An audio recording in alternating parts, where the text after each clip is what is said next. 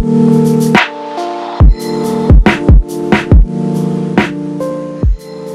teman muda, kalian sedang mendengarkan 2030 Podcast episode 12 Bersama aku, Andi dari Unit Community Engagement 2030 Youth Force Indonesia. Tapi kali ini akan membahas tentang akses ruang dan transportasi publik yang aman di era new normal. Selamat mendengarkan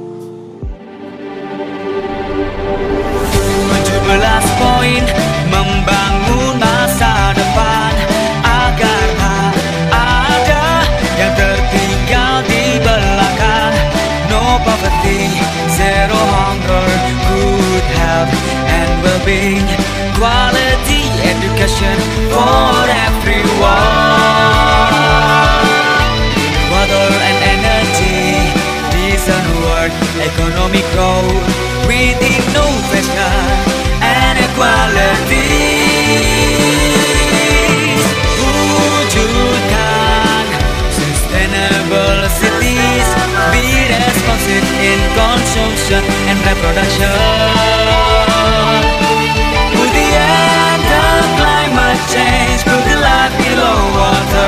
The life on land. Bring peace and justice in this world through partnership for the goal.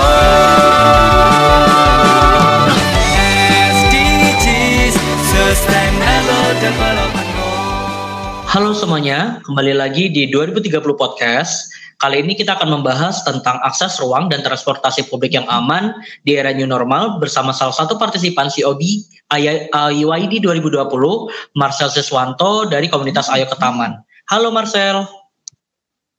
Halo Kak Selamat Andi, malam. selamat malam. Thank you Oke, nih kesempatannya. Eh, Oke Marcel, Eh, sebelum kita membahas tentang topik tadi ya Marcel, mungkin Marcel boleh perkenalan diri dulu, terus juga Marcel mungkin boleh kenalin juga komunitas Ayo ke Taman itu apa sih? Oke, jadi aku Marsal Siswanto dari komunitas Ayo ke Taman. Basicnya Ayo ke Taman itu bergerak di bidang eh, environment. Bagaimana kita mengajak eh, masyarakat nih eh, untuk pergi ke taman. Seperti yang kita tahu, karakteristik masyarakat Indonesia itu kan eh, sangat jarang ya untuk mau ke taman. Nah, kita berbeda banget nih dengan si eh, masyarakat yang ada di luar negeri. Oleh karena itu, kita dari komunitas Ayo ke Taman, ayo dong masyarakat ini memaksimalkan fungsi dari taman. Jangan sampai eh, pemerintah udah menyediakan taman, banyak ruang terbuka hijau, tapi nggak dimanfaatkan oleh masyarakat. Padahal fungsi taman itu banyak banget. Oke, wah berarti eh, keren banget ya. Eh, karena memang aku sih juga ngerasa kalau sebenarnya masyarakat, in- apalagi di negara kita tuh masih jarang banget punya kemauan untuk benar-benar melakukan aktivitas di ruang terbuka. Contohnya kayak di taman kota. Nah, oh iya Marcel, kalau boleh tahu juga eh, komunitas Ayo ke Taman ini dari tahun berapa ya? Eh, kalau komunitas Ayo ke Taman, eh, aku kurang lebih aku eh, kurang tahu ya kalau misalnya berdirinya kapan. Cuma sih kalau nggak salah itu udah beberapa tahun yang lalu sih, udah dari tahun 2018 kalau nggak salah. Oke, oke, oke, oke. Oke, Marcel, kita lanjut ya. Kita bakal ngebahas tentang topik tadi yaitu akses ruang dan transportasi publik yang aman di era new normal nih. Nah, sekarang kan kita bisa dibilang sudah memasuki era new normal ya. Dan tetapi kan eh, Iya. menutup kemungkinan juga ya kalau masyarakat itu tetap menggunakan ruang publik, apalagi juga eh, masyarakat itu juga menggunakan transportasi publik. Nah, sebelum itu eh, aku pengen tanya dulu dong ke Marcel, kalau menurut Marcel sendiri atau mungkin eh, dari apa yang Marcel tahu, ruang publik itu sebenarnya yang gimana sih Marcel? Oke, jadi kalau dari aku sendiri, ruang publik dan transportasi publik itu seharusnya memiliki empat akses, empat aspek yang per- yang utama, yaitu universal access, efisiensi, safety, dan green mobility.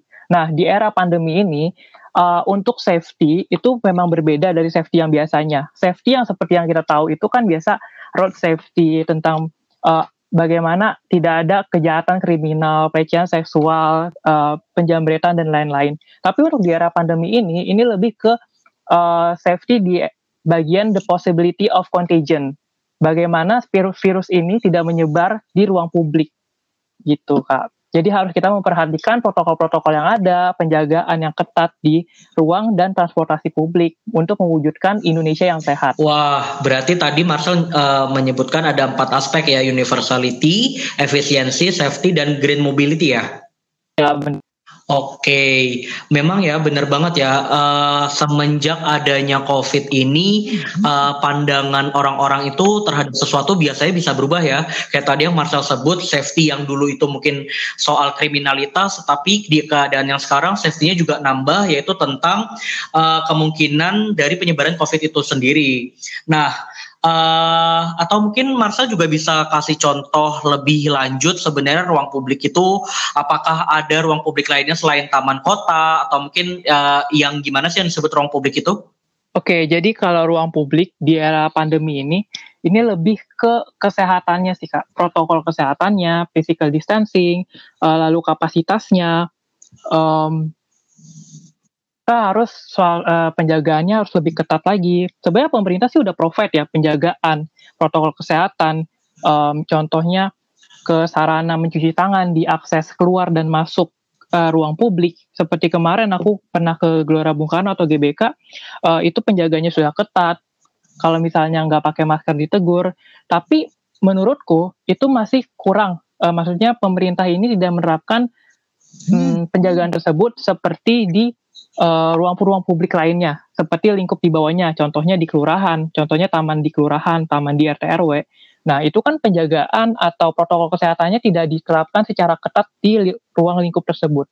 Nah ini balik lagi nih ke masyarakatnya. Bagaimana masyarakatnya mau sadar atau enggak? Kita harus take care of ourselves uh, di masa pandemi ini. Gitu kak Oke, berarti memang uh, mungkin uh, sekarang di tempat-tempat uh, ruang publik itu pemerintah lebih nge-provide sarana yang sudah Marcel sebutkan tadi ya, kayak penjagaan yeah. di beberapa tempat juga sudah banyak tempat mencuci tangan segala macam seperti itu ya. Nah, yeah, betul. Uh, kalau dari Marcel sendiri nih, uh, kita kan juga tahu ya kalau misalnya di tengah keadaan seperti ini ada juga orang-orang yang dikategorikan sebagai kelompok-kelompok yang rentan. Nah, uh, mungkin kita bisa sebut seperti uh, orang tua mungkin contohnya atau mungkin kelompok rentan yang lainnya.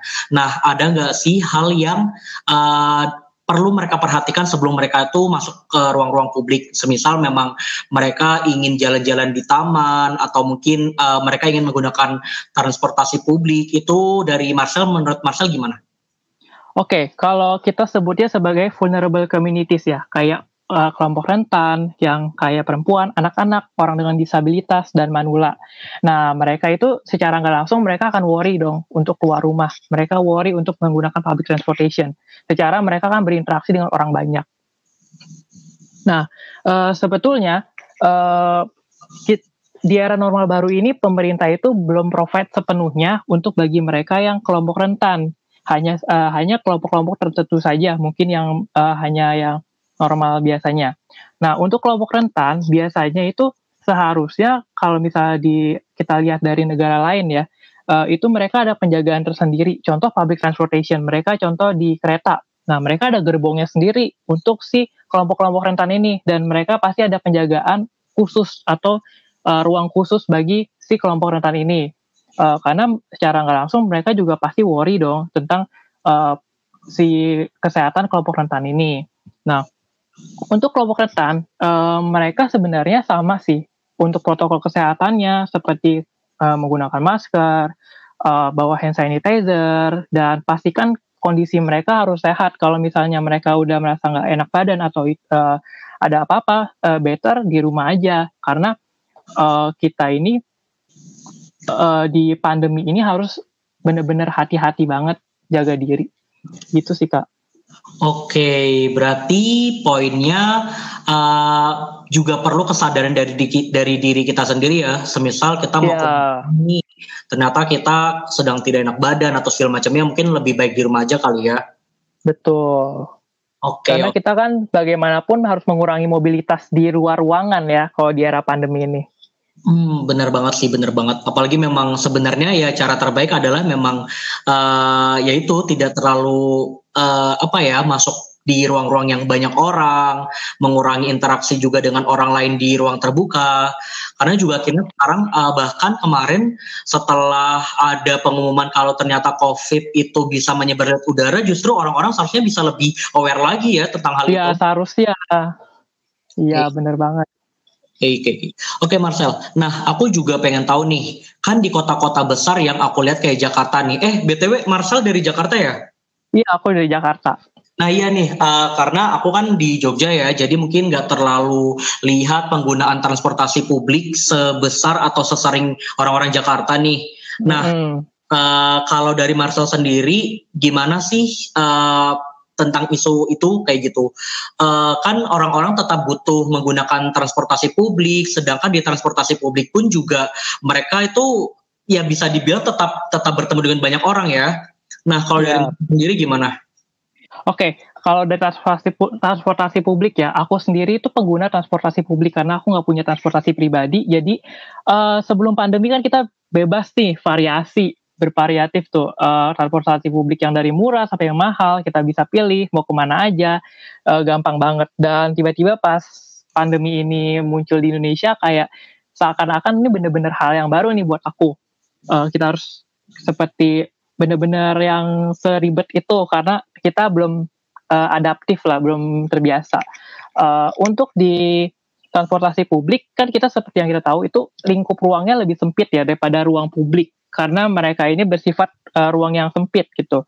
Uh, apalagi baru-baru ini kita pernah dengar kan yang klaster uh, perkantoran, yang penyebaran COVID klaster perkantoran dan itu kemungkinan besar disebabkan oleh um, saat para pekerja ini menggunakan public transportation dari rumah menuju ke perkantoran atau tempat mereka bekerja. Nah, di sini lagi uh, menambah worry uh, bagi masyarakat Indonesia tentang penggunaan public transportation, terutama di uh, perkotaan besar seperti DKI Jakarta. Nah, kalau public transportation itu kan kita lebih public transportation itu lebih ke derived demand, di mana ada permintaan maka ada mobilitas di situ.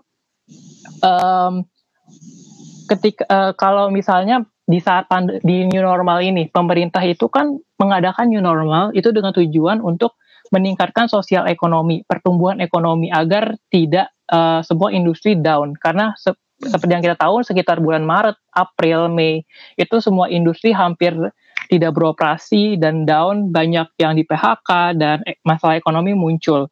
Uh, ini lagi-lagi berhubungan dengan mobilitas. Di mana ada mobilitas, maka pertumbuhan ekonomi dapat dilakukan atau dapat uh, ditingkatkan lebih lagi.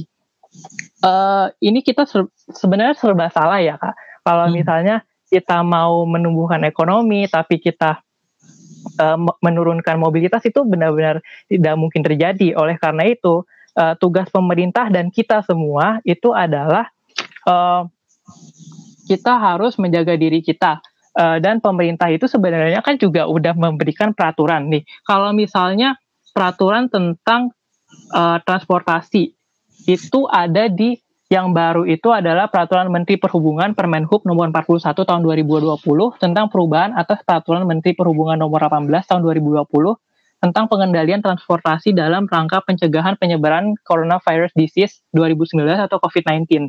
Nah, yang aku nggak setujunya di sini adalah tentang kapasitas.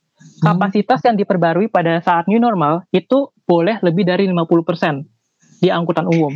Di fase pertama dan fase kedua itu ada di 70% dan fase ketiga itu ada di 85%. Menurutku uh, untuk menetapkan porsi segitu itu kurang tepat di era new normal karena kita ini baru masa transisi lah istilahnya. Apalagi aku mirisnya itu kalau misalnya uh, bagi kereta, contoh kereta api. Uh, kenyataannya, oke, okay, uh, mereka pemerintah bilang uh, ada protokol kesehatan, harus menggunakan masker dan segala macam itu. Tapi pada kenyataannya yang terjadi adalah penumpukan penumpang. Di mana kalau penumpukan penumpang otomatis mereka bagaimana cara mereka bisa physical distancing. Otomatis kalau banyak ya mereka desek-desekan. Terus uh, untuk yang di kereta api contoh ada uh, tanda silang di bangku untuk memberikan space satu bangku satu bangku itu bagaimana bisa terjadi kalau kapasitasnya saja sudah lebih dari 50% gitu kak. Dan ini tuh harus direvisi ulang menurutku ya. Uh, tapi balik lagi juga uh, ini lebih ke kesadaran masyarakatnya itu sendiri. Kalau sudah tahu misalnya uh, banyak orang yang menggunakan tersebut ya sudah kita beralih ke transportasi lain. Toh juga di new normal ini uh, transportasi sudah mulai dibuka seperti biasa. Yang dulunya contoh ada ojek online di tidak diperbolehkan beroperasi sekarang sudah boleh beroperasi dan sebagai macamnya itu. Gitu kak Oke, berarti memang uh, karena aku juga pas pertama kali dengar ada namanya klaster perkantoran juga kaget. Wah, ternyata dari mobilitas manusia yang, seper, manusia yang seperti itu aja tuh bisa menjadi klaster baru. Apalagi tuh memang Iya. dan itu juga bisa dibilang kan menjadi ancaman buat uh, orang-orang atau mungkin masyarakat yang ada di kota besar yang mayoritas penduduknya tuh mobilitasnya tinggi. Dan apalagi juga tadi juga Marcel juga sudah menyebutkan bahwa sebenarnya juga ini juga berkaitan dengan uh, ekonomi. Karena juga kita ada di posisi yang dilematis. Mau mau tidak ada mobilitas tapi nanti ekonomi bisa terhambat. Tetapi nanti kalau Iya bener banget. Jadi kita eh, bingung gitu. Nah, bener banget sih. Nah, sebenarnya Marcel kalau uh, menurut Marcel, uh, aku tertarik sih tadi soal perhitungan-perhitungan tadi, karena tadi ada menyebutkan yang kayak di fase berapa itu bisa 50% segala macamnya itu. Karena juga yang aku ingat di awal itu bahkan untuk contohnya seperti kayak uh, bis antar kota itu mereka cuma bisa 50% seperti itu ya. Nah, ya kalau menurut Marcel sendiri, apakah itu perlu direvisi Uh, dan revisinya tuh sebenarnya seperti apa sih menurut Marcel kalau dari pandangan Marcel sendiri? Oke, kalau buat aku, buat new, di new normal ya, eh, kita kan grafik penyebaran COVID positif harian itu belum benar-benar melandai. Kalau kita bisa bilang itu tidak belum stabil kan eh, dari data yang ada. Nah, untuk masa transisi ini, eh, masyarakat itu belum masyarakat karakteristik masyarakat Indonesia itu belum bisa adaptasi dengan begitu cepat. Contoh aja, kita masih banyak menemui masyarakat yang tidak menggunakan masker. Kita masih banyak menemui masyarakat yang belum melakukan physical distancing secara benar atau protokol-protokol lainnya. Nah, eh, dengan melihat karakteristik masyarakat tersebut, maka eh, seharusnya pemerintah itu membuat kebijakan atau peraturan eh, untuk tetap saja 50% per angkutan umum. Jadi nggak jangan sampai 70% atau di atas 50% lah. Apalagi yang fase ketiga dengar lima- 85% tuh aku kaget banget. Itu kayaknya eh, jangan dulu untuk masa transisi karena kita harus eh, melihat dulu karakteristik dari masyarakatnya itu sendiri, Kak. Oke, oke, oke. Iya, bener banget ya. Berarti memang uh, seharusnya memang pemerintah tuh lebih mungkin bisa dibilang bahasanya bisa lebih aware lagi ya sama keadaan di dalam transportasinya kayak gitu. Karena memang sekali lagi kalau yang benar-benar aku uh, tahu, uh, karena sulit juga kalau masyarakat yang di kota besar itu yang mobilitasnya tinggi itu tidak menggunakan transportasi publik karena kayak tadi kan Ya.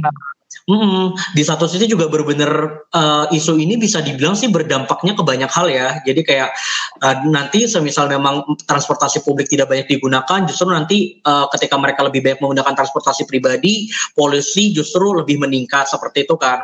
Nah, Ya, uh, aku setuju sih sama Marcel kalau memang sebenarnya pemerintah tuh benar-benar perlu memikirkan lagi tentang kapasitas tadi seperti itu. Apalagi harus ditambah juga nih Kak moda transportasinya. Jangan sampai uh, moda trans uh, kapasitas direndahin tapi kap, uh, moda transportasi juga nggak nambah-nambah. Ya gimana caranya bisa berjalan dengan lancar gitu Kak? Nah, itu aku jadi ingat waktu kalau nggak salah MRT atau apa ya. Jadi waktu itu di uh, sudah dibuka lagi, tapi justru malah uh, jadwalnya tuh sama, jumlah jumlah Oh, jumlah. Pak. ya kalau nggak salah. Nah, ya jumlah armadanya sama, justru malah justru malah jadi muncul antrian yang panjang. Iya, iya itu aku kaget banget yang waktu kelas Jakarta kalau nggak salah itu di sekitar bulan Maret April ditutup lalu dibuka lagi dengan rute rutenya yang terbatas dan jam tertentu itu malah menum, eh, menimbulkan banyak penumpukan penumpang yang antrinya panjang dan udah nggak bisa physical distancing lagi karena emang udah saking banyaknya. Hmm, ya ya ya. Itu memang benar ya uh, kita berharap sih memang pemerintah juga bisa lebih aware lagi ya tentang hal ini. Iya. Oke oke. Nah tadi kan kita juga uh, udah bahas banyak ya tentang uh, akses ruang dan transportasi publik. Uh, apalagi kita benar-benar bagaimana sih menggunakan transportasi publik dan ruang publik yang aman di era new normal ini ya. Nah Yap. uh, anyway boleh tahu nggak kalau dari kita pengen ngebahas tentang uh, komunitas Ayo ke Taman nih. Nah, uh, boleh tahu nggak uh, kalau dari teman-teman komunitas Ayo ke Taman ini, apalagi di tengah keadaan seperti ini, kira-kira uh, ada nggak sih kegiatan atau mungkin uh, agenda yang dilakukan oleh teman-teman uh, komunitas Ayo ke Taman? Oke, kalau agenda dari komunitas uh, Ayo ke Taman ada banget nih di orang new normal. Otomatis kita biasanya itu kita mendatangi taman-taman, kita men, uh, melakukan perkumpulan di taman, tapi otomatis kalau di pandemi ini nggak bisa dong. Nah, oleh karena itu kita mengadakan yang namanya virtual event, kayak ada festival ke taman. Nah, belum lama ini, sekitar bulan Juni atau Juli itu kita mengadakan diskusi nih dengan Gubernur uh, eh, DKI Jakarta yaitu Anies Baswedan dan beberapa kementerian. Lalu ada juga beberapa akademisi, kita waktu itu membahas tentang taman di era new normal. Bagaimana cara uh, masyarakat nih bisa tetap ke taman tapi tetap sehat. Bagaimana mewujudkan kota yang sehat, bagaimana mewujudkan integrasi antara jalan, raya, uh, jalur sepeda, dan taman. Lalu uh, untuk selanjut selanjutnya nih untuk dari bulan Juli, Agustus kita juga mengadakan festival uh, festival tentang taman. Itu bisa dicek di Instagramnya Ayo ke Taman. Kita mengadakannya kalau nggak salah Jumat Sabtu Minggu sih. Waktu itu kalau kemarin dalam menyel, uh, dalam rangka menyelenggarakan Hari Anak ya, Hari Anak Nasional itu kita ada event uh, bagaimana uh, taman ini mempengaruhi anak nih, terutama di new normal. Nah, waktu itu kita dibahas tentang uh, bagaimana cara mewujudkan kota layak anak, Indonesia layak anak. Nah, kalau Indonesia kalau kota kota saja udah layak anak, maka uh, akan layak juga bagi kelompok-kelompok lainnya, bagi pemuda, bagi kelompok rentan, bagi um, para lansia dan lain-lain. Gitu, Kak. Oke, mantap banget. Berarti nanti kalau teman-teman pendengar 2030 podcast ini pengen tahu tentang kegiatan teman-teman komunitas Ayo ke Taman bisa dicek di Instagramnya ya? Iya, banget. Oke, okay, sip, sip, sip. Nah, Marcel, uh, sekali lagi terima kasih banyak ya sudah uh, sharing banyak banget, apalagi tentang berbenar topiknya ini menarik banget karena memang uh, sekali lagi kita tidak bisa uh, apa ya menghindari penggunaan ruang publik dan transportasi publik, apalagi di era new normal seperti ini ya. Nah, mungkin dari Marcel yeah. ada mau memberikan semacam closing statement atau mungkin uh, ajakan atau mungkin seruan untuk teman-teman pendengar 2030 podcast uh, supaya mereka bisa menggunakan uh, transportasi publik dan ruang publik yang lebih aman? Oke, okay, uh, kalau untuk protokol pasti anak muda udah bisa lah uh, nyari-nyari sendiri, udah tahu cara uh, penggunaan atau implikasinya kayak gimana. Nah, untuk para pemuda nih, kita bisa berkontribusi dalam mewujudkan ruang dan transportasi publik yang sehat di era new normal. Jadi pemuda yang sadar akan situasi sekitarnya, patuhi peraturan yang ada, implementasikan, dan jangan lupa untuk influence and deliver to society. Jangan biarkan nih target SDGs kita di 2030 terhambat karena ulah kita sendiri. Oke, mantap banget. Nah, semoga teman-teman pendengar 2030 podcast benar-benar bisa uh, kita bareng-bareng uh, tetap di tengah keadaan seperti ini kita tetap bisa untuk mewujudkan uh, implementasi SDGs di 2030. Oke, okay. uh, sekali lagi terima kasih Marcel dan untuk okay. ke depannya. Oke, okay, dan untuk ke depannya jangan lupa untuk kalian para pendengar uh, 2030 podcast uh, untuk mendengarkan podcast-podcast kita berikutnya karena kita akan membahas topik-topik SDGs lainnya. Sampai jumpa di podcast berikutnya. Selamat malam.